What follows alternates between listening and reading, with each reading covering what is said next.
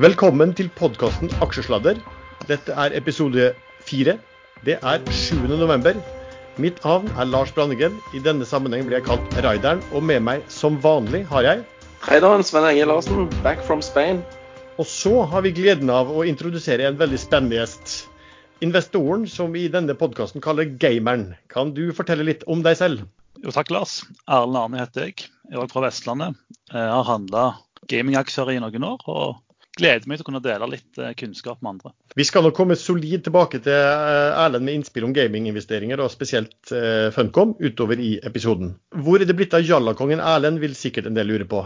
Nja, si det. Etter forrige episode så, så vi plutselig at vi ble forbigått som Norges mest populære økonomipodkast av en episode der John Thomas snakket om glam og Playboy-rollen. Hva tror du, Sven? Tror du at Erlend fikk et emosjonelt sammenbrudd da jeg fortalte han at han bokstavelig talt lå under Jan Thomas? Jeg vet ikke, jeg vet ikke helt. for det, jeg, jeg, så på God kveld Norge eh, på TV 2 på lørdag. og da, da, sa, da, var Jan Thomas, og han sa han skulle på fjelltur. Så jeg lurer på om ikke godeste Jallakongen er blitt med Jan Thomas på fjelltur og har et sånn eh, Brokeback Mountain-moment eh, en eller annen plass oppe i Jotunheimen. Jeg vet ikke hvor han er blitt av. Det her får vi sikkert svar på i noen eh, senere episoder, og jeg mistenker at den historien uansett må sensureres. Vi har som vanlig en disclaimer. Den blir kortere og kortere. Det er utrolig kjedelig. Vi gir også ingen råd, og ansvaret for hva du gjør i kapitalmarkedet og livet for øvrig er helt og holdent ditt ansvar. Så skal vi snakke litt om hva som har skjedd i aksjemarkedet de siste dagene. Vi kan starte med én ting. I episode to for eh, ja, drøye et par uker eh, Sven, så tok, dro du fram fra lyset en gammel, god togrøver som heter Robert Keefe. Og hvem var det som dukket opp i går i en børsmelding, om ikke samme Keefe? Ja, det var et gjenferd. Jeg kan ikke huske sist gang jeg har sett en flaggemelding eller innsidemelding der eh, Keat eller Fussel eller eh, noen i Hongkong har kjøpt eller solgt aksjer i Idex eller Tinnfilm, eller Opticon for den saks skyld. Men plutselig var han tilbake. Godeste Robert Napier Keith. Kjøpt 70 millioner aksjer i Idex. Eh, jeg vet ikke hva kurs han har kjøpt de på, for jeg har ikke sett kryssingen av aksjene verken i går eller i dag. Men det kan jo eh, være mulig at han har fått de relativt rimelig fra disse fondene som har drevet og solgt. Eh, det spesielle var jo at Idex kom med en restruktureringsmelding på ettermiddagen i går, så, men jeg lurer på om han visste noe om det eller ikke. Mest sannsynlig ikke. Det var noen som hadde sett eh, på, på, noe engelsk eh, nettside at det hadde vært noe handel som, mente at det hadde gjort en handel i Idex på det antallet på 50 øre. Ok. Eh, om, om, det stemmer, og De var litt usikre på om det var riktig, men der lå det i hvert fall en post som, som så ut som det kunne vært plassert på, på, på 50 øre. Ja, Han ble i hvert fall ikke kryssa på Oslo Børs, eh, så det, det var godt kamuflert. Det som, det som, men det som skjedde, Sven, de har sikkert hørt på din, din podkast der du fortalte hvor flinke de guttene var til å fortelle om uh, gull og grønne skoger i, i, nærtid. Fordi at når meldingen kom om at Keith hadde kjøpt ja, han, han var vel oppe i 11 av selskapet, ja. så, så, gikk vel, så, gikk vel, kursen også 6, 66% totalt uh, i går. Og mer enn det sikkert fra hva hans kjøpskurs da var. Ja, Det er spennende å se hva planer han har for dette fingerprint-selskapet, som han har hatt stor tro på siden uh, før uh, millenniumsskiftet. Det, det, det, stemmer jo. Han, han, jo. han, har jo vært eh, medlem av nominasjonskomiteen, altså de som nominerer hvem som skal bli styremedlem i Idex. Og det er han vel også i Finn Film. Så det, det er vel bare å fusjonere Idex og, og, og, og Finn Film, og så kan man gå over til å kalle selskapet, omdøpe selskapet til Opticom, så er ringen helt sluttet, eller hva? Ja, det har vært spennende, det. Det har jo også vært en del emisjoner eh, i uken som har eh, gått. Norwegian klinket til med ny emisjon, og de gjorde også en konvertibel eh, i den forbindelse. Har du, har, du, har, du, tegnet deg i den emisjonen, Sven? Uh, jeg tegna meg i emisjonen. Jeg tegna meg først i en emisjon i Hafnia, som er, uh, blir det nest største rederiet på Oslo Børs. De kom på børs fredag altså i morgen. Der tegna jeg, fikk eh, full tildeling. Det vil mest sannsynlig si at uh, interessen kanskje har vært så formidabel. Men så hadde jeg veldig lyst til å tegne i Norwegian. Jeg syns det var en veldig lur emisjon, og at de henter penger nå og ikke når de absolutt må. Eh, så jeg tegna eh, for en million der òg, og fikk null aksjer, gitt. Sånn er det jo dessverre ofte at når det er stor interesse, så hører du ingenting fra megleren og får ingenting. Når det er laber interesse, så blir du ringt ned og fortalt hvor godt case er, eller hva? Ja, Det er jo helt fantastisk at de i det hele tatt gadd å ringe meg. Uh, uh, men ja, det var jo tre meglerhus, da. Det var jo ikke bare Pareto som, som satte denne her. Ja. Erlend, er det noe spesielt du har lagt merke til i den uken som har gått av nyheter og andre ting? Ja, altså, jeg har jo fulgt eh, Norwegian, eh, vært eh, litt inn ut av den de siste månedene. Men eh, det beste Norwegian-rådet jeg hadde, var å selge på 300. Eh, da ble jeg fortalt at jeg ikke kjente aksjen, så jeg har egentlig styrt litt unna. Eh, men jeg syns egentlig den emisjonen som skjedde nå, var positiv. det virker som de har noen som, som nå tar styring og, og gjør det som er nødvendig, selv om det nok er litt kjipt for de som eier aksjer. Ja, jeg er enig i det at med ny sjef, han har tydeligvis tatt, tatt, tak og gjort ganske mye av det som selskapet hadde lovt og mange hadde forventet i løpet av, av kort tid. Han var vel litt uheldig en periode og sa tidlig at, man skulle forventet en joint venture innenfor uker. Og Det tok jo litt lang tid, og man var litt misfornøyd med det, men, men sånn er det bare. Jeg har egentlig spørsmål til, til dere to. fordi Det har vært snakk om tre ting nå ganske lenge i Norwegian. Det er joint venture. Det er erstatning fra RR, eller for for Rolls-Royce, og det er erstatning fra Boeing. På meg så virker det som om de tre tingene er falt på plass, men at resultatet er dårligere enn det mange hadde håpa på. Jeg vet ikke helt hva dere tenker.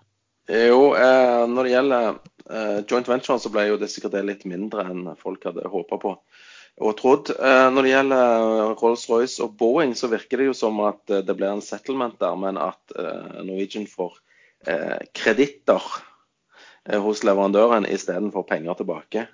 Og, og kreditter hjelper jo ikke på likviditeten i det korte bildet. Så det er muligens derfor emisjonen ble satt nå, det ble, siden det ble klart at eh, de får kreditt på fremtidige bestillinger istedenfor hard cash, som er jo egentlig det de hadde lyst på.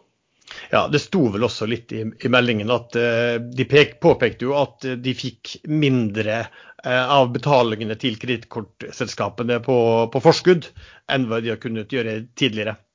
Jo, men, men nå tenkte jeg på Boeing og, og Rolls-Royce-settlementen. At de ikke får noe cash uh, derfra, men at ja, de heller får avslag i prisen framover. Skjønte, skjønte, det, men det, det kombinerte også med at de da Ja, ja, en, en, en, jeg leste òg det, men det har du jo, det har du jo skyldt på nå i Eh, et år eller to. Ja, men jeg tror det var nesten enda mer forsterket, sånn som jeg leste den, eh, den eh, meldingen. Okay. Ja, det, virker som det holdes tilbake mer penger. Altså det større, større andel penger holdes tilbake nå enn for noen måneder siden. Den, altså fra, fra kredittkortselskapene. Det var sånn jeg tolket den uh, meldingen i, no, i, i, forbindelse med emisjonen, i alle fall. Det har vært, også vært andre emisjoner. Eh, XXL har gjort en emisjon som har blitt hardt kritisert av Folketrygdfondet. Noen synspunkter på det? Eh, nei, eh, men jeg ser jo at den var relativt lukket da, for eh, nye investorer. Eh, disse fondene tok jo sin del, og eh, små, småaksjonærene ble vel litt skvisa. Jeg tror Folketrygdfondet har helt rett i sin kritikk. Ja, jeg er også enig i det. Altså det, det så var vel at De var vel de fem største aksjonærene som tok en veldig stor del av emisjonen og da reparasjonsemisjonen til eh, de andre aksjonærene ble mye mindre. sånn at det var helt umulig, altså De kunne ikke opprettholde sin relative andel på noen som helst måte, mens de store økte sin relative andel eh, ganske betydelig. Ja. Og, og, det, og det, har jo, altså det har jo vært mye emisjoner på den måten der i det siste. Altså, loven sier jo at det skal være fortrinnsrett. Det er vel utgangspunktet for å gjøre en, eh, en emisjon. Og så blir den ofte, altså har ofte man fått uh, generalforsamling med på at styret skal også kunne gjøre rettede emisjoner.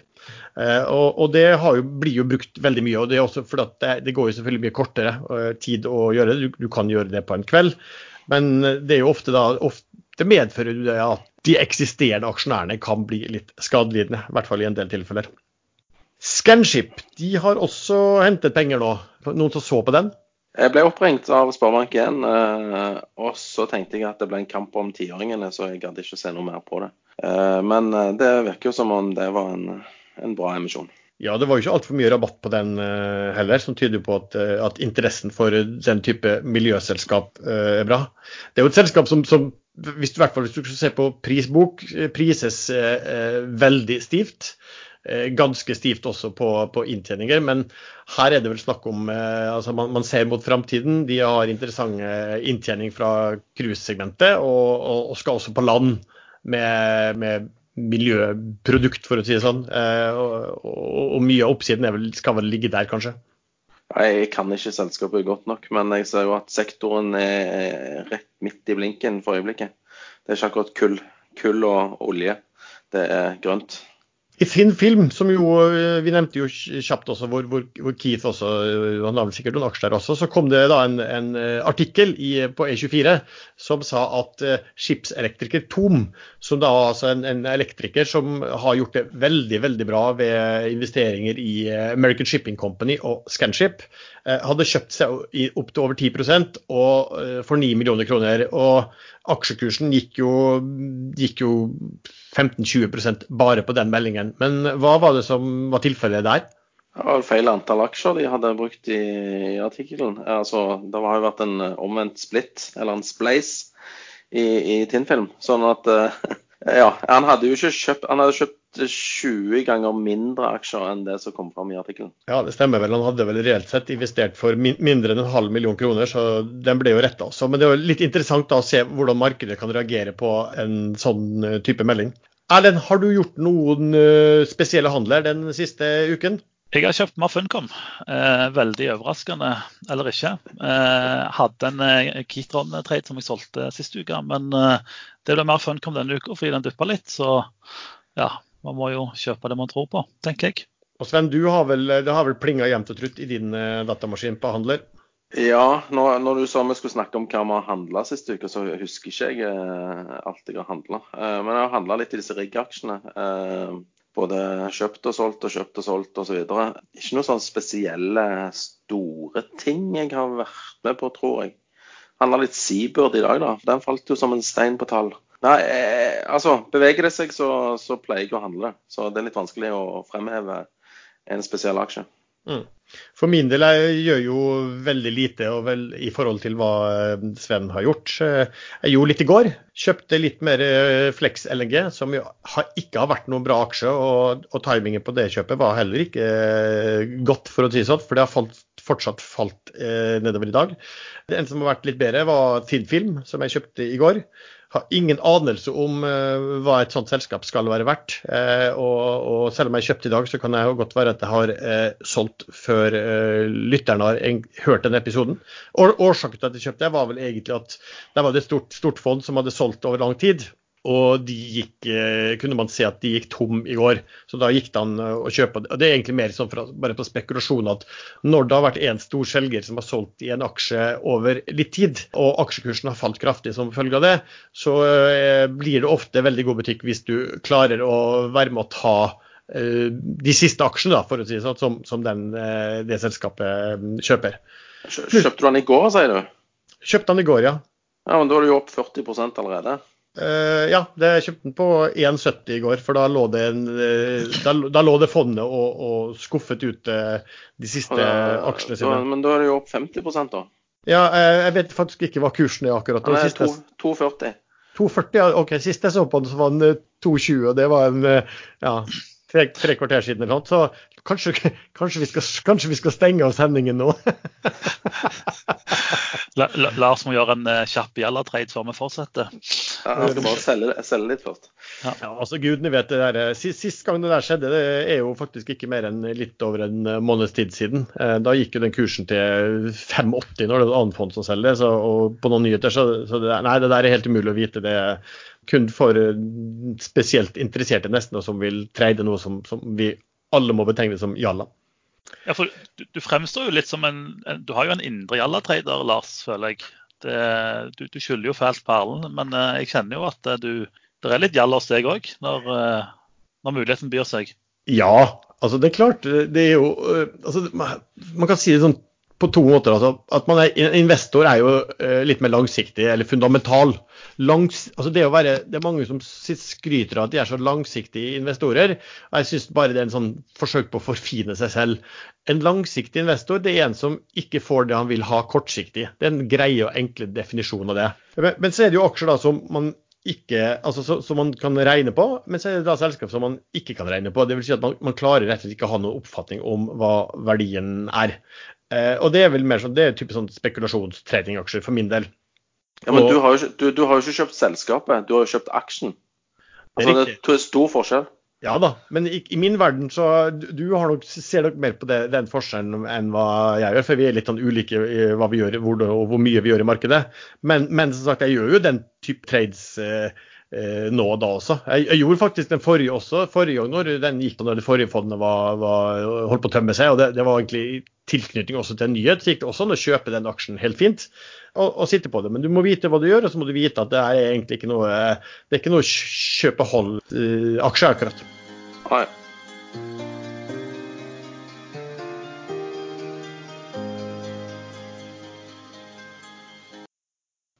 Det kom for en, ja, nå er det et par uker siden så var det en, en, en forsker som gikk ut og snakket om aksjetrading, og som sammenligna det med rusavhengighet. Hva tenker du om det, Erlend? Jeg tror han forskeren har eh, ganske rett. Jeg tror alle som, som trader og har gjort gode gevinster, kjenner på den følelsen. Så jeg tror, jeg tror han er definitivt inne på noe. Og du, hva tenker du, Sven? Nei, eh, ja selvfølgelig. Altså, du blir jo avhengig av, eh, av, eh, av jobben. Eh, Jeg kaller det jo en jobb, da, istedenfor uh, en rusavhengighet.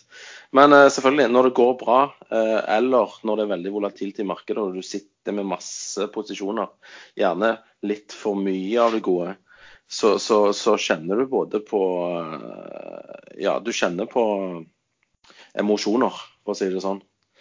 Eh, Men spesielt når det går bra og, og, og, du tjener penger, så, så tror jeg nok at det kan være en eh, sammenheng mellom en eh, følelse av rus og, og en følelse av at dette er noe du har lyst til å gjøre mer av. Mm. Det er jo et spørsmål man får når folk hører at du driver som, som investor. Det er fordelen og ulempen med å være en aktiv trader eller investor? Fordelen eller ulempen.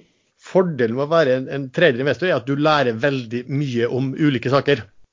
Eh, ikke sant? Du lærer alt fra eh, selskap, eh, politisk risiko i eh, Gabon f.eks., eller, eh, eller, eller, eller mye teknologi og hvordan, hvordan, hvordan konkurransesituasjonen ser ut der og der.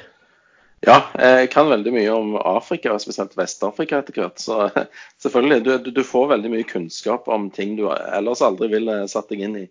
Eh, Men en annen ting, det største fordelen med å drive på med investeringer og, og trading, det er at du faktisk kan ta fri når du vil, syns jeg, da.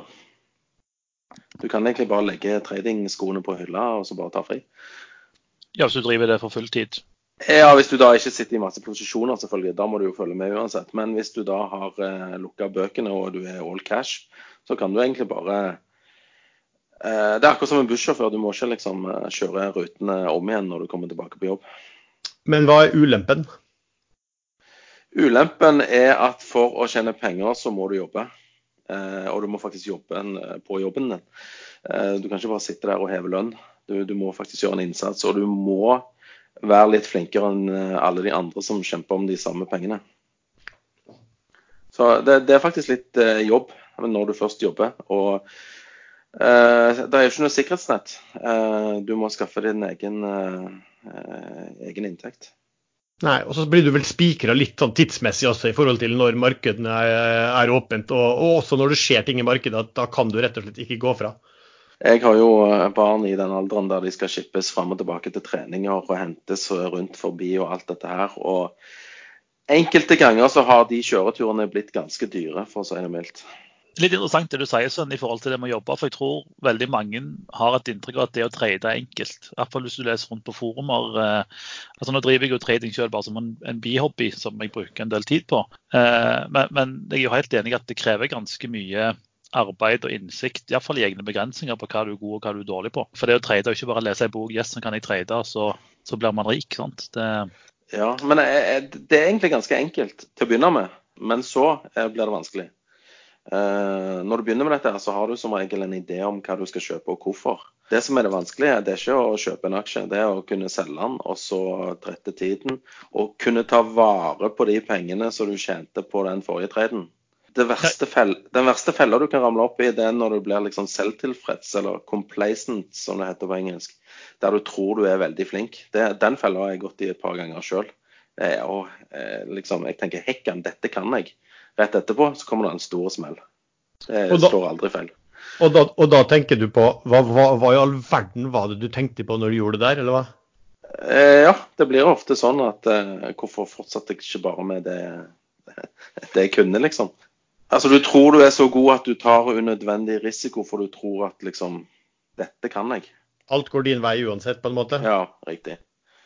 Men når du sier ta vare på penger fra den ene traden til den andre, hva, tenk, hva mener du egentlig da? Nei, altså akkumulere gevinster, og ikke bare blåse gevinsten på, på neste trade igjen. Ja, mer, du tenker litt også på å være mer eh, disiplinert på neste trade du tar, og ikke bare kaste deg over en trade fordi at du vil gjøre noe igjen? Ja, eh, før så kunne jeg trade bare for å trade fordi det var kjedelig, og du satt bare og ja, hadde ingenting å gjøre på. Da tok du gjerne en trade bare for moro skyld. Det er ikke så lurt, altså. Du bør ha en eh, idé om hvorfor, og, og, og spesielt en, en plan for exit. Litt interessant det du sier Sven. fordi jeg, jeg kjenner meg igjen i deler av det. altså har hatt noen gode trades i, i, i spillselskaper rundt spillslipp. Du tjener litt penger og du, du er happy, og så kommer det en mulighet som du vet har høy risiko. Men så vet du at det er en god sjanse for at det går bra, men så er det en risiko for at det ikke går bra. Så går du inn, og så vil, hadde du ikke gjort det hvis du ikke hadde hatt mye penger tilgjengelig der og da. Så gjør du det, og så taper du penger også, fordi du tenkte at du var bedre enn du kanskje var. Ja. Så jeg tror det er mye, mye sant i det du sier, altså.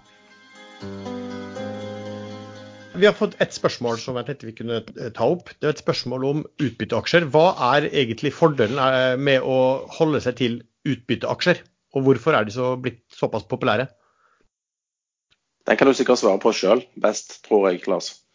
På utbytteaksjer så, så, så får man i hvert fall en oppfatt, da får man i hvert fall penger tilbake. ikke sant? Du kan, du kan eh, bedømme en avkastning, og man føler seg kanskje litt sånn sikrere på selskapets cashflow. At når de betaler utbytte, så tenker man fort at dette er en, en kontantstrøm, et utbytte som de kommer til å opprettholde over lang tid, eh, og som gjør at det da blir eh, lettere å, å, regne på det. Eh, men altså, jeg har jo alltid tenkt sånn Jeg er jo mye mer kortsiktig enn en de fleste. Så jeg har jo alltid tenkt ja vel, de deler ut 10 kroner utbytte. Da skal jo aksjekursen falle med 10 kroner. For meg så betyr det i et kort perspektiv ingenting. Så utbytteaksjer bør jo være for langsiktige investorer da, som vil ha liksom en forutsigbar cashflow. Um, Så, så for meg som trader så betyr det fint lite og ingenting. Der, men der er det kanskje du skal følge litt med. fordi at det du ofte ser er jo at mange av de utbytteaksjene, spesielt spesielt disse i godt utbytte, de tenderer ofte til å gå mye bedre. eh, Det så. Det så, så du på TGS i går, faktisk. Ja. Eh, den eh, delte ut 70 cent, var det det? Eh, eller var det 27 cent? Nå husker ikke jeg det. Men uansett, aksjen var opp for dagen. Sånn at utbytte, altså, de delte ut utbytte og gikk i pluss. ja. Så det er ikke alltid den teorien min slår til, for å si det forsiktig. Nei, det, nei, det er jo egentlig ikke noe teori du har, det er jo egentlig ren matematikk. At når selskapet ut 10 kroner, så blir det 10 kroner mindre verdt. Det, det er nok også en sånn sammenheng her med at litt sånn følelsesmessig at, at eh, 150 kroner aksjekurs eh, i går og 140 i dag, og så føler man at det ser billigere ut, eller folk som kanskje har sittet og titta på den aksjen der og, og nesten ikke har fulgt med engang, ser at oi, nå er den kursen mye lavere. Nå er, det, nå er det kanskje mer interessant å kjøpe. Ja, det, det var litt spesielt, eh, eller litt interessant med den 2020 Bulkers. Eh, Det er vel han Trøheim sin, dette. Skulle ikke de begynne med månedlige utbytter? Ja, for det, jeg har ikke fått det med meg. Jeg vet at Det har jo blitt sånn at man har gått over fra årlige til kvartalsvise, men månedlige, eh, det var litt nytt for min del. Ja, jeg syns jeg leste det i 2020 Bulkers-saken i går. Ja, de må sikkert ha masse aksjonærer da, som har veldig stort behov for å få, få penger hver måned. Ja. Det er faktisk en artikkel fra i dag på 2020-bølger hvor de snakker litt om den her er first monthly dividend. Så det stemmer nok, eh, det. Det er det første selskapet på Oslo Børs med månedlig utbytte. Det er, jo, det er jo litt kult. Det er sikkert populært i USA med sånne ting. Ja da, og det, og det er vel sikkert litt også det med at du forsterker inntrykket at her er du en solid aktør som kan sitte og betale disse her måned ut og måned inn, ikke sant? Trenger ikke jobbe da vet du, for å få utbytte hver måned.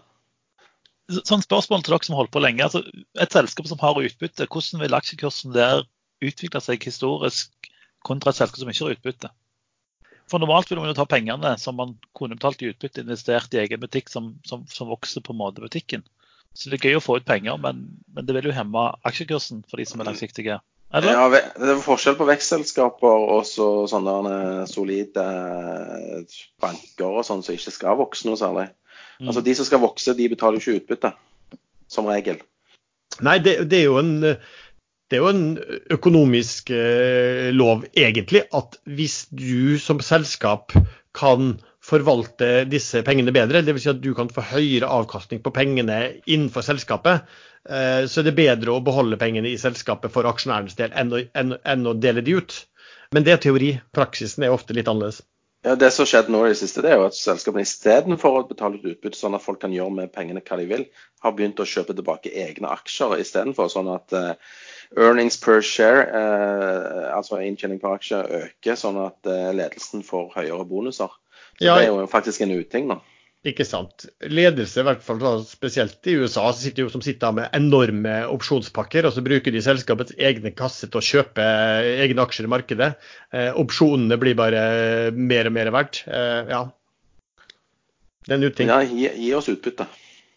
Ja, altså, for min del så syns jeg at tilbakekjøp er helt greit, men da skal også aksjekursen være klart uh, undervurdert. Det vil si at da må du ha liksom assets som helt åpenbart er mye mer verdt uh, enn hva selskapets uh, aksjekurs eh, tilsier. Hvis ikke så kan du heller gi utbytte. Det er helt enig. Tilbakekjøp og økte månedlige utbytter Ja. sekvensielt. Det er jeg for. Vi har en egen eh, spalte som heter 'Verste selskapet noensinne' på Oslo Børs. Uh, Før vi går til den, eh, har jeg bare et spørsmål, jeg òg. Jeg leste noe i Finansavisen her på lørdag. Og der, Det er dette for de som bor i Oslo, da, om de kan bekrefte eller avkrefte det. Men den halvøya som ligger mellom Bjørvika og Tjuvholmen, etter den Exit-serien på TV, den er jo nå blitt hettende Cola-halvøya. Kan du bekrefte det, Lars? Ja, det, det, det, var faktisk, det var faktisk helt nytt for min del. Jeg, jeg sitter på en annen halvøy og ser ut av vinduet. Ja, du ser rett bort på den Kolahalvøya, du, gjør ikke? det er riktig, jeg ser rett bort på Kolahalvøya. Men nei, det, var, det, var, det var en ny betegnelse for min del. Ja, OK. Altså, så det er, ikke, det er ikke et begrep som har satt seg i befolkningen ennå? Ikke ennå. Men da kan vi gå over til verste selskap noensinne på Oslo Børs. Vi har plukket ut uh, ti stykker. Uh, og vi tenkte vi skulle ta et uh, par av dem per gang. Husker du hvem vi tok sist gang, Sven? Ja, vi tok alvoren, alvoren og så tok vi tok vi Sino Agro. Sino Agro. Ja, det var det, ja. Det er reke, rekene fra Kina. Kina. Kinesiske gummireker. Ja. I dag har vi to nye. Eh, Du kanskje kan starte med den eh, første, Sven? Ja, jeg har sett litt på et selskap som jeg trada en del, faktisk, eh, når det var på børs. Det er et selskap som heter Petromena. Ble starta i 2005 av Berge Gert Larsen, BGL, som er en av primusmotorene i det selskapet der. Det ble børsnotert i 2007. Det skulle eie dypvannsrigger. Og det var en veldig god idé, egentlig. Men eh, det som skjedde, det var jo at eh, de skulle bygge tre eh, dypvannsrigger på et skipsverft som heter Jurong utenfor Singapore. Der var det òg en annen person som drev og bygde noen rigger, men det kan jeg komme tilbake til. Uansett, planen var god, ratene var gode. De hadde fått eh, kontrakter på de to første riggene med Petrobras til kjempegode rater. Men så skjedde det noe eh, eksepsjonelt. Eh, finanskrisen kom. Eh, funding eh, ble et problem, og obligasjonseierne hadde plutselig et stort, eller tre store problem på verftet i, i, Singapore. Og selskapet klarte ikke finne ekstra funding til, til å betale for riggene til verftet. Eh, Gert Larsen hadde jo i tillegg til Petromena Petrolia, Petrojack, Petroprod. Så han satt plutselig veldig dypt nede i gjørma når, eh, når finanskrisen satte en stopp for, for fundingen. Det som da skjedde, var jo at eh, en annen luring som hadde gode connections til, til dette verftet. John Fredriksen han så sitt snitt til å snappe opp uh, disse riggene ved å kjøpe seg opp til 80% i det ene obligasjonslånet. Og på den måten ta kontroll. Uh, han gjorde dette her 26. mars. Og kun uker etterpå så sa obligasjonseierne nei, nok er nok, vi tiltrer pantet. Og snipp, snapp, snute så var tre av disse riggene eh, slukt av eh, Fredriksen-systemet. Aksjen var, eller Selskapet var notert i 2007, eh, ble avnotert og gikk konkurs 21.12.2009. Norgeshistoriens største konkurs til da, med en misligholdt gjeld på ca. 5,5 milliarder kroner. Jeg vil tippe at Fredriksen-systemet i de påfølgende årene med de feite kontraktene til eh, Petrobras eh, tjente gode penger på akkurat denne transaksjonen her. Men eh, riggene ble kanskje ikke så kjekke å ha syv år etterpå. Eller seks-syv år etterpå. Nei, beklager. Med 2014. Det blir fem år etterpå. Men var det ikke sånn at eh, Deutsche Bank var involvert der? Var det der eh, Berge Gert Larsen og de bytta sak, skulle saksøke Deutsche Bank eh, etterpå? Ja, gjort noen det, avtaler? Det, det, var noen som har gjort noen avtaler her. Og, og de som hadde finansiert eh, i tillegg til eh, obligasjonseierne, var jo Deutsche Bank. Men eh, Jurong-verftet tok jo parti med Fredriksen-siden, og eh, det ble gjort noen vil jeg tro, avtaler på bakrommet her, som da skrua eh, Gert Larsen ganske kraftig. Han gikk jo på eh, Deutsche Bank eh, i etterkant av konkursen og krevde masse penger tilbake. Fikk vel null og niks. Ja, Problemet var rett og slett bare at eh, Petromena de kunne ikke fyllestgjøre sine, hva hva de hadde lovt eh, långiverne og verft, og, og da smalt det? Da smalt det skikkelig òg. Så uh, kursen, kursen, altså, kursen på aksjen gikk jo bare Altså, den er Det er hoppbakke og så flatt, flatt landingsområde. Og så var det snipp, snapp, snute. Ja, jeg husker, jeg husker, jo I etterkant da, så var det vel mange av de som hadde sittet som aksjonærer, som trodde at konkursboet skulle få så mye penger tilbake igjen fra Deutsche Bank at de igjen skulle bli rike. Men det skjedde vel aldri. Nei, og jeg tror eh, den konkursen her eh, fikk sin avslutning nå tidligere i vår, var det vel. Der Gert Larsen eh, fant ut han ikke skulle anke nok en gang. Så den, eh, den, er nå ferdig, men det tok sin tid.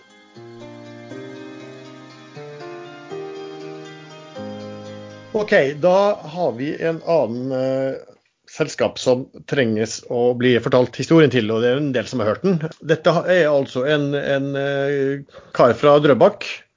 Han danna et selskap. Han uh, leide en luksusbolig og brukte millioner av sine venners kroner ettersigende på å oppfylle sin store drøm og spille hovedrollen i westernfilmen om Morgan Kane. Så dette er et selskap som kjøpte seg rettigheten, eller fikk rettigheten til, til å lage filmer om Morgan Kane-bøkene. Eh, og det skulle selvfølgelig bli en voldsom suksess, dette her. De fikk med seg kjendisinvestorer som eh, Bjørn Kjos og, eh, og Arne Blystad. Han som hadde startet dette, her heter altså Ryan Week, eller rett og slett han heter Gunnar Ryan Week. Men når han skulle da bli hotshot i Hollywood, så gikk han bare over til å kalle seg Ryan Week. Og han skulle selv bli hovedrolleinnehaver. Eh, og trodde vel også at han skulle få en, altså en grunnleggende stor framtid som, som, stor stjerne i, i, Hollywood, og hadde altså store planer. Etter hvert, Dette selskapet ble altså notert i 2016, hvis jeg er riktig informert. Uh, og da hadde de fått inn en ny CEO i dette selskapet. Det var altså en, en, en tidligere BBC-nyhetsanker som heter Tasmin Lucia Khan. En flott dame, må man, må man si. Og når hun kom inn eh, i selskapet, så var det mange som da trodde at her var det noen ordentlig seriøse og flinke med et stort navn på gang, og denne filmen kan virkelig bli noe av. Eh, så da fikk de hentet inn en, en, god del penger og fikk igjen stor optimisme. Og det var i den settingen der da hvor de, eh, hvor de ble notert på det som var Merkur Market. Det gikk jo ikke så veldig bra. Han Ryan Wiik der, han eh, skulle gjøre en screentest med, mellom mulige eh, produsenter og, og investorer i, i, den selve filmbiten, eh, som da skal ha feilet. De var helt uinteressert i at han skulle kunne spille noen sånn hovedrolle. Han ble jo da uh, veldig forbitret over dette her. Eh, han ble også etter hvert skviset ut. Eh, og han saksøkte her kommer jo det pikante. Han saksøkte hun flotte Tasmin, som har blitt ny CEO, for å ha seksuelt manipulert han.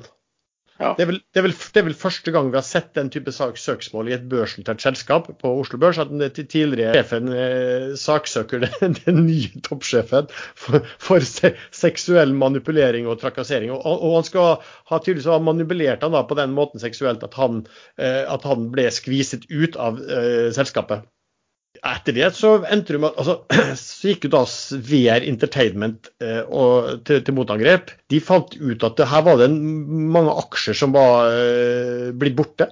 Så de saksøkte og svindelanklaga han eh, godeste Vik og hevda at han hadde liksom, urettmessig fått tak i et stort antall aksjer. Etter hvert eh, så kom også tidligere styreleder på banen og gjorde krav gjeldende mot selskapet.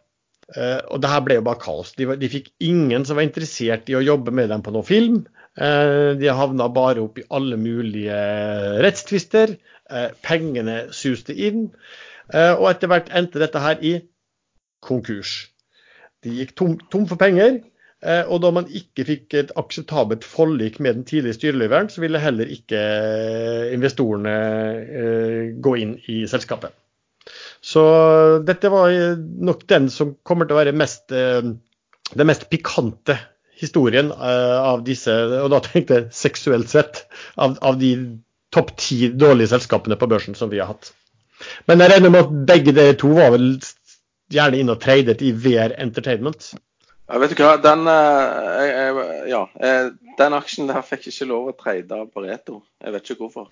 Men de, de har, eh, skulle du den, så måtte du faktisk ringe inn ordre. Og det gadd jeg ikke. Det var en sperre der som var lagt, eh, så jeg kunne ikke trade den elektronisk. Nei, altså Jeg, jeg oppdaget jo aksjen første gang i juli 2016 fordi den ble diskutert ganske heftig på et, på et annet forum hvor jeg er aktiv. Eh, jeg syns det lukter rart med en gang, eh, så jeg trade den aldri. Jeg brukte litt tid på å grave litt i selskapet. og, og og heldigvis så kjenner jeg noen folk som jobber en del borte i USA og Hollywood i forhold til med film og TV, og spurte litt de hva de tenkte, og de sa det her er bare svindel, eh, hele greiene. Men du hadde også sett eh, Det var noen ting med, med eh, hvilken kontorer de hadde borte i Hollywood? Ja. ja, altså, tingen var, jeg, jeg, jeg diskuterte jo denne aksjen ganske, ganske, aktivt med et par folk som var virkelig frelst. Og de liksom Nei, du, du har ikke peiling, se her, de har Hollywood-kontor og alt. Eh, alt er bare greit. Men eh, så, så, som jeg og deg snakket om i går, vi fant ut at eh, eh kontoret deres er jo på sånn der kontorhotell, eller sånn virtuelt kontor. Og det koster vel 100 dollar i måneden å, å få adresse og telefonnummer til, til det bygget. Så eh, da vet man det at VR brukte 100 dollar i måneden på, på å få en Hollywood-adresse. Eh, så jeg syns det, det, er litt synd at det er så mange som mister så mye penger i den aksjen. Men det har jo vært masse faresignaler her fra dag én som man har dessverre ikke sett. Ja. Eh, fun fact var jo at jeg var blant noen som så på og skulle gå inn med penger egentlig når selskapet lå helt konkurs. Da skulle selskapet omtrent prises til null. Eh, det, men det var avhengig av at han, man fikk bort kravet fra han eh, gamle styrelederen. Og da var vel egentlig tanken mer at eh, OK, du, du fikk tak i et børsskall med et stort framførbart underskudd til tilnærmet null, og så kunne det være noen ting knyttet til de rettighetene eller ikke. Men, men, som sagt, det, det, ble aldri av når man ikke lot seg gjøre å få han eh, tidligere styrelederen, som hadde tydeligvis en eller annen underhåndsavtale mente han med han eh, Ryan Wiik. Uh, dere som skulle gå inn med, med, nye penger, ble dere lovet biroller i fremtidige oppsetninger? holdt på å si, fremtidige filminger? Ja, det var jo selvfølgelig, vi fikk jo selvfølgelig tilbud om de mest pikante rollene i Morgan Kane. Nei, da, jeg vet ikke om noen, noen, av de andre krevde noen ting. Jeg tror jeg ville holdt meg litt, litt langt unna den filminnspillingen, for å si det sånn. Da skal vi eh, ta opp temaet til eh, Erlend, gamerens hjørne. Altså, Erlend, du er jo en erfaren og ivrig investor innenfor gamingsektoren. Eh, det som hadde vært interessant for lytterne, tror jeg, det er å fortelle liksom, hvorfor du er så interessert i sektoren. Og hvorfor folk, bør være eksponert mot den. Ja, for meg så handler det om at jeg, eh, jeg brukte litt tid når jeg, når jeg holdt på å trade for noen år siden, med å si hvor, hva, hva, altså, hva, hvor er jeg god og hvor er jeg dårlig, hva får jeg til, hva får jeg ikke til. Eh, I mange år så trada jeg litt på måfå, sånn som mange andre. Kjøpte litt aksjer her og kjøpte litt sånn der og sånt, uten at det ble noe store gevinster eller store tap av det. Eh, altså begynte jeg å se et mønster. ok, jeg, jeg, spiller jo litt data på fritida, sånn som mange uh, ungdommer gjør i oppveksten. Uh, jeg kjenner en del spillselskaper, jeg kjenner mye mennesker. Uh, mulig har en li, liten edge der. samtidig så har jo nordisk, eller spesielt svensk spillsektor gått ekstremt bra de siste åra. Jeg prøvde å finne litt statistikk til sendingen. og Det beste eksempelet er vel Svebank Robør sitt ny, ny teknikkfond, som investerer veldig mye i gaming. Eh, som er opp 230% de siste fem åra. Eh, så, så, på en måte gaming som sektor i Norden har gått veldig veldig godt. Det har vært veldig mye flinke selskaper, veldig mye flinke mennesker. Eh, som har gjort det til en jeg vet ikke lett sektor å tjene penger i, men det har vært en, vært en god sektor å på en måte få gode trades i. da. I tillegg vokser jo gaming ganske mye på verdensbasis. og det gaming som i dataspill og mobilspill og, og PlayStation og Xbox-spill vokser jo med 10% pluss i året. Eh, og er den største underholdningssektoren vi har. Så det er jo på en måte en sektor hvor de fleste selskaper, altså Om du kjøper et indeksfond som kun kjøper spill og gamingaksjer, så skal det jo vokse uten at du trenger å tenke egentlig. Um, så Historisk har det vært en veldig, veldig lukrativ sektor. Uh, viktig med en liten disclaimer at historisk avkastning er ikke lik framtidig avkastning. Men, men, fram til nå så har det vært en veldig god sektor både på verdensbasis og i Norden i forhold til vekst. Så, så jeg har på en måte prøvd, prøvd, å, ta, prøvd å, få en edge. da. Fordi når, når spillselskap slipper informasjon om et spill, så kan jeg som en gamer se OK, filmen ser bra ut, spillet føles bra, ok, kanskje det lykkes, og så investert ut ifra det. Dessverre så er det jo flere som hadde tenkt det samme. så på en måte den biten har blitt vanskeligere og vanskeligere etter som tida har gått. Det var mye lettere for, for tre til fem år siden enn det er i dag. Ja, jeg har et lite spørsmål. Ehm, hvor lenge må du spille et spill for å skjønne om det er bra eller dårlig, og om du bør kjøpe aksjer i, i spillprodusenten? Nei, altså, Så ofte så har du jo kjøpt aksjer på forhånd. sant? En spillprodusent sier vi skal lage spill A. Eh, så begynner man å vekte seg opp. Veldig mange, altså Spillindustrien er knytta til nyheter. sant? nyheter, Så du har allerede vekta deg opp. Og Så kommer det kanskje noen stillbilder fra, fra spillet. Da kommer kanskje en, eh, en, liten film fra spillet. Og så kommer det kanskje en alfa- eller beta-test som du kan delta i. Av og til noen studier er veldig selektive og lar deg kun spille den biten av spillet som er veldig bra så spiller du og tenker dette spillet var dritbra, så kommer resten av spillet ut, så resten av spillet er dårlig. Eh, vi har jo et eksempel av det i Funcom faktisk, på Age of Corona som kom i 2008, hvor første delen av spillet var dritbra, de første tre-fire timene var dritbra, og resten av spillet var tomt. Det er liksom ingen fasitsvar. Du, du, må liksom ta den informasjonen du har, og så må du på en måte OK, er dette nok til at jeg bør sitte videre? Skal jeg øke? Skal jeg selge? Sånt. Men, men det er mange som bevisst de, de kjøper aksjer i et spillselskap som skal slippe et spill, og så selger de rett før lansering av spillet. Eh, så får du gjerne ikke med deg hele oppesida, men du får med deg en del oppesider. Eh, ja. Du, la, du las jo vel noe av det samme i, i Funcom faktisk, når du var med i den emisjonen. Ja, stemmer det. Jeg hadde jo uh, veldig liten, liten, peiling på det. Men det, det, så jo at det gikk an å ri. og Det, det var noe som historisk hadde skjedd i Funcom. At uh, de, de, de, hadde en veldig fin utvikling uh, fram mot spill. Uh, og gjerne også litt noen uker etter spill hvis man var veldig god til å ta med. Noe jeg ikke var. Jeg var altfor tidlig ute og tok uh, den gevinsten, men OK, det, det, var bra for en som ikke skjønte noen ting av spill. Hvis, hvis man da er noen som ikke går inn og, og, og ser på altså, de nye spillene som kan komme, og ikke har noen forståelse for det, for å si det sånn. Det er jo sikkert ganske mange som har. Men hva er det med, uansett man, man kan se etter blant alle ulike selskap, hvis man skal prøve å plukke et selskap og investere? Altså, det, det, altså, alt, alt, roterer jo rundt spillanseringene. Eh, for det er jo det som er nyhetsstrømmen i, i et spillselskap. Sant? De lanserer et spill, det spillet genererer en viss mengde penger en periode, og så genererer det mye mindre penger etterpå. Eh, så du kommer liksom ikke unna spillanseringene uansett. Men det finnes jo en del verktøy som alle kan bruke for å estimere hvor, hvor populært kan et spill bli. Så på en måte, men grunnstammen her er det jo på en måte et, et spillselskap skal produsere et spill man går inn før spillet skal lanseres. har man ikke peiling på sektoren, så selger man før spillet kommer. Liker man mer risiko og potensielt mer oppetid, så sitter man over lansering. Et av de mest populære verktøyene å bruke er Google Trends. Da må du ha noe å sammenligne med, men det er et helt fantastisk verktøy i forhold til å måle eh, PR-effekten og på en måte hvor, hvor, mange som er interessert i, en, et, i et spill da, som kommer. Og Det trenger du ikke være rakettforsker for å bruke. og Du trenger ikke skjønne bransjen. Du bare plotter inn spillnavnet og så noe å sammenligne det med, så får du opp fasiten med en gang. Ja, men, men, etter at selskapene har levert også, så finnes det også gode steder å gå inn for å se utviklingen i eh, spill, eh, altså hvor mange som spiller spillet omtrent live også, eller hva? Ja, ja, ja og nei. Ting blir stadig vanskeligere. Eh, hvis et PC-spill eh, så har du jo Steam som på en måte er den siste plattformen. egentlig var ganske dominerende ganske lenge. Der kan du gå inn og se hvor mange som spiller spillet samtidig. Det finnes verktøy for å se hvor mange som eier spillet. Eh, og så har gjort tiltak for å hindre at du skal kunne på en måte se hvor mange sier eier det spillet. Så det er faktisk vanskeligere og vanskeligere å trekke hvordan et spill gjør det etter det er lansert.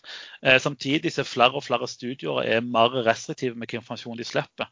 Altså, du ser det er en profesjonalisering blant spillstudioene òg, som, som, som sannsynligvis er bra. Fordi det gjør at det er mindre sånn ekstremtrading, som vi har sett ganske mye av.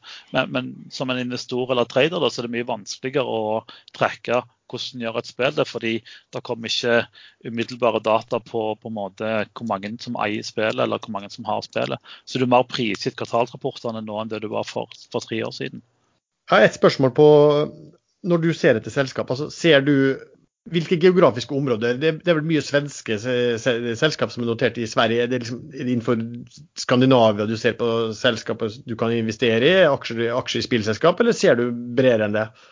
I utgangspunktet ser jeg Norden, eh, Norge og Sverige. Eh, I Sverige er det veldig stort miljø med investorer som kjøper spillaksjer, som betyr at du får litt mer effekt av hypen. Sant? Det er veldig mye små aksjonærer, det er veldig mye større, større investorer, større tradere som på en måte går inn og ut. Så, så Sverige er et ganske bra, bra, marked for en trader, da, eh, som typisk Sven, for, for, å gå inn og ut, fordi det er, er volum. Så ser jeg litt på de store internasjonale spillselskapene. De er ganske kjedelige å trade, egentlig, fordi alle vet hva som kommer. Alle vet at EA slipper Fifa hvert år. Alle vet at Fifa selger så og så mange millioner.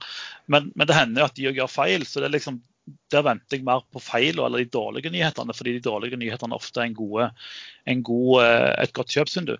Et godt eksempel er jo Ubisoft, som er eh, et stort fransk selskap. Eh, hadde en spillansering som var helt horribel. De sa det faktisk selv at dette var en horribel lansering. De valgte å utsette seks titler Kursen falt umiddelbart 13% Veldig mange kjøpte, inkludert et par av de store fondene i Norden som driver med spill.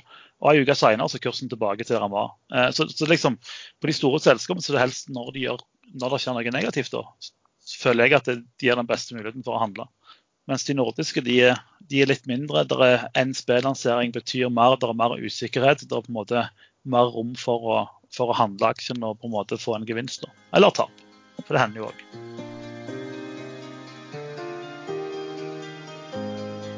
I Norge så har vi jo det spillselskapet som heter Funcom, som har vært veldig populært. Veldig mange som har fulgt det selskapet som aksjonærer og investorer og spekulanter i både tykt og tynt. Det har vært opp og ned. Eh, og de siste årene har det vært opp. Hva, hva, hva liksom, tenker du om Funcom sånn som det er i dag, kontra det var for noen år siden, Erlend?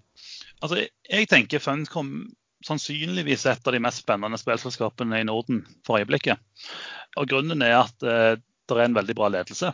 Jeg har veldig sansen for Stian og Rui og, gjengen som leder, leder Funcom. De gjør veldig mye riktig. Eh, de bygger stein for stein. De er ikke så opphengt i aksjekurs dag for dag, eh, men de tenker mer på å bygge et bra selskap.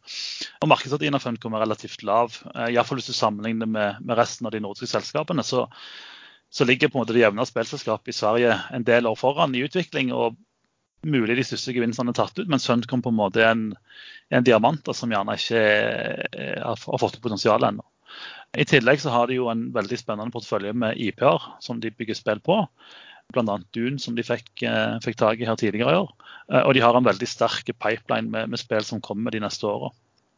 Ja, problemet til Funcom var vel noen år at de Altså, De lanserte et spill eh, med ganske store mellomrom, og hvert spill var veldig veldig dyr, eller? Ja, De hadde jo eh, Age of Conan i 2008, som i utgangspunktet var en god idé. Det var en god IP.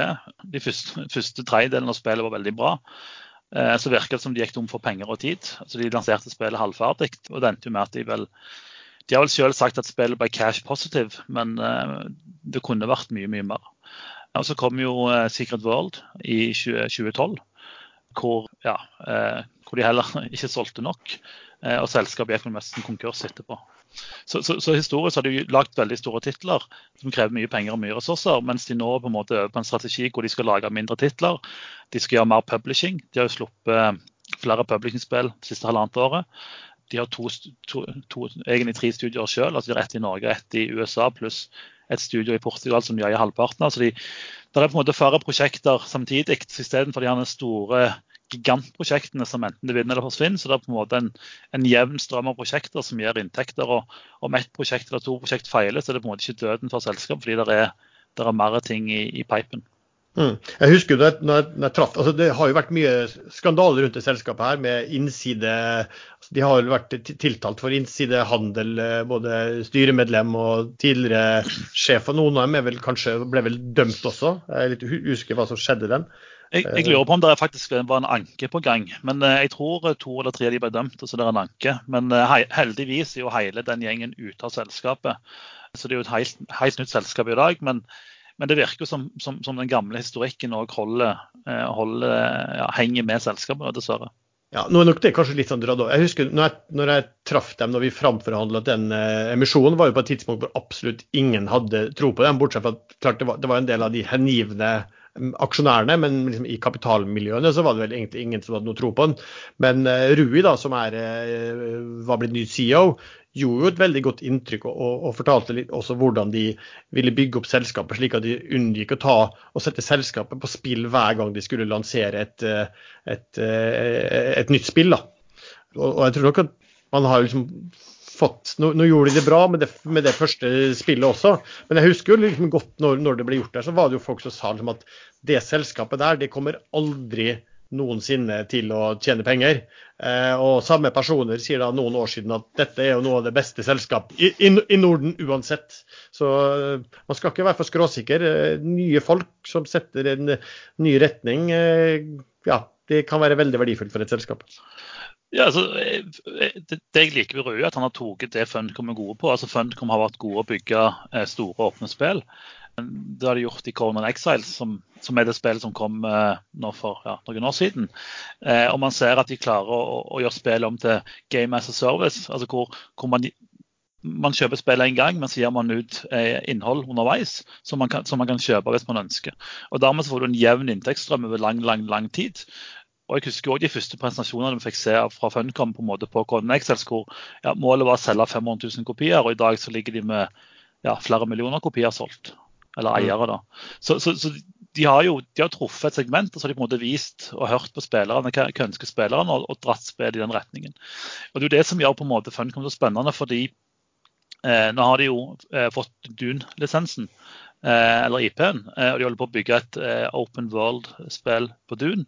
Da vet vi at de har ekstremt mye erfaring fra, fra Conan Exiles, som de nå putter på en enda større IP, eh, som samtidig får noen vanvittige Hollywood-filmer. Så, så det er jo veldig mye spennende i selskapet.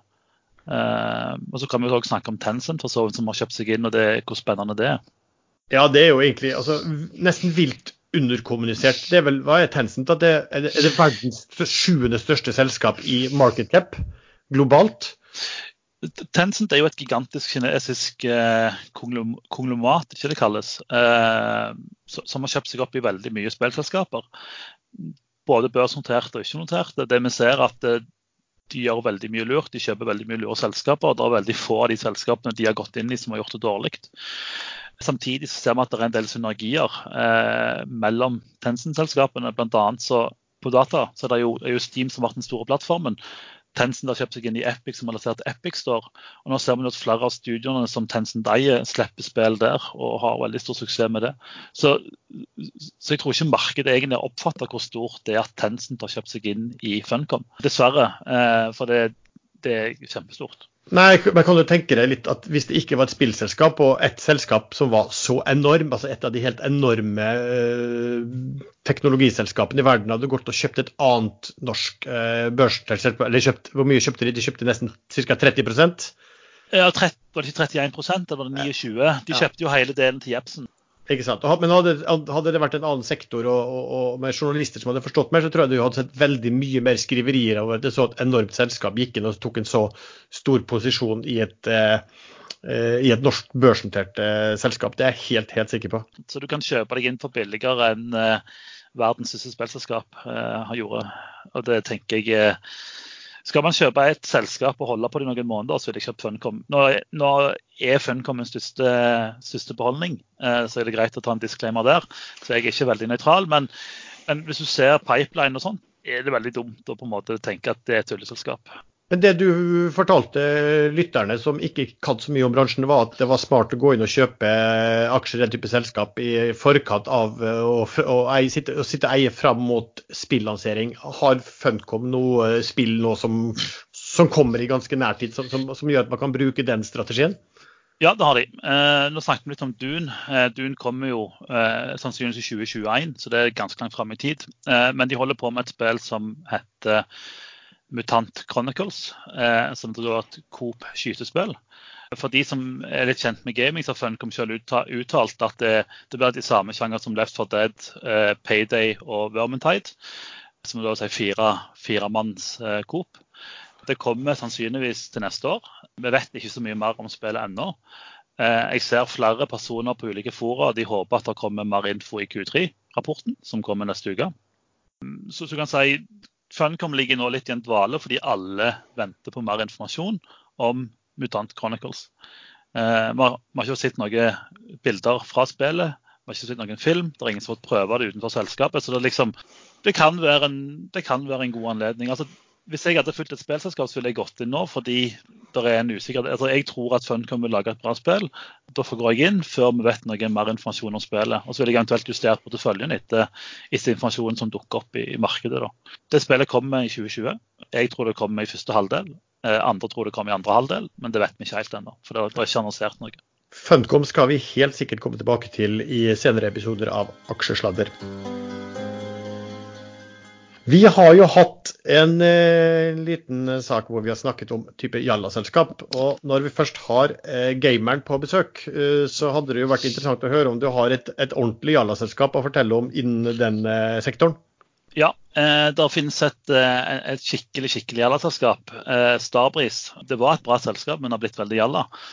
Bare en sånn fun fact. Første gang jeg nevnte Starbris på, på Ekstrainvestor, så spurte Sven om det var en rusbrus. Så det sier vel kanskje litt om om, om Sven og spillkunnskapene hans. men, men, men Starbase har vært en traderfavoritt i mange år.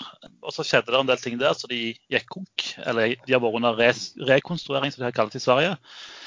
Eh, de siste månedene har kursen gått fra 70 svenske øre cirka, til ja, 250 svenske kroner. Spiller, selskapet har masse, masse gjeld, og de har veldig lite inntekter. Eh, I går eh, kom det en oppdatert analyse fra Redeye. Eh, Redeye er et svensk betalselskap for analyser. Hvor de egentlig skriver at vår oppfatning er at det er skapt en boble i Starbris.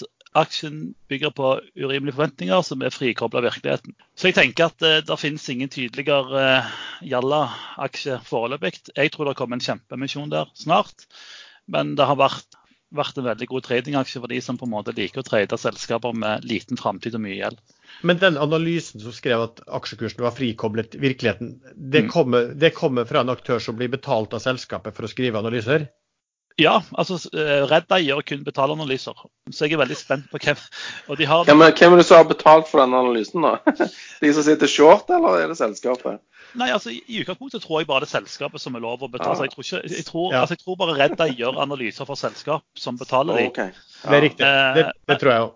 Ja, men så det er litt interessant at de faktisk sier at det, det er en kjempeboble av aksjekursen har ingen, ingen eh, denne frikobla Forank, for, Forankring i virkeligheten. Men, men uh, spillverden er jo liksom Det er jo ikke virkeligheten. Så det, alt kan jo skje i spillverden. Det, det kan det.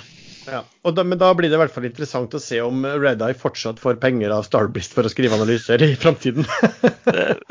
Hvis dette er siste analysen for Red Eye til Starbrist, så blir jeg ikke overraska. Men uh, jeg syns det var en interessant uh, Samtidig så syns jeg det er bra at de tør å være ærlige. Fordi det har vært, spesielt i Sverige, mye, mye analyser som har vært veldig optimistiske. Men, men, her er de ganske dead on og sier at vi, vi anbefaler å kjøpe dette. Det er for øvrig et, et, område som vi også skal snakke om senere, som folk har spurt oss om. Det er dette her med analytikernes rolle og også betalte analyser og man, hva man skal tenke av det. Det får bli en annen gang. Vi har holdt på ganske lenge. Hva syns dere? Skal vi gi oss mens leken er god nå? Ja, du har glemt ukas tips, men uh, i og med at Erlend er på fjelltur og jeg fortsatt liker rigg, så kanskje vi skulle utsette det til, til neste uke? Ja. ja. ja, vi kan jo ha det mens, mens, dere to er der. Hva tenker du, Erlend? Har det vært gøy og frister det til gjentakelse å komme hit uh, flere ganger? Ja, jeg syns dette var, var, hyggelig. Så håper vi jo at de som hører på, føler det er noe, noe vettug å, å, å, ta ut fra det. Så hvis, eh, hvis, folk vil ha meg tilbake, så kan vi jo prate mer gaming seinere. Det vil de helt sikkert. Da takker vi for de som hører på denne episode nummer fire. Aksjesladder ligger på iTunes og på Apple Podcaster. Og For å hjelpe oss å øke lytterskaren, så er vi helt avhengig av din hjelp til å finne oss der og klikke på god rating. Har du forslag til nye tema eller synspunkter på aksjesladder, så send gjerne mail til info at ekstrainvestor.com. Vi høres.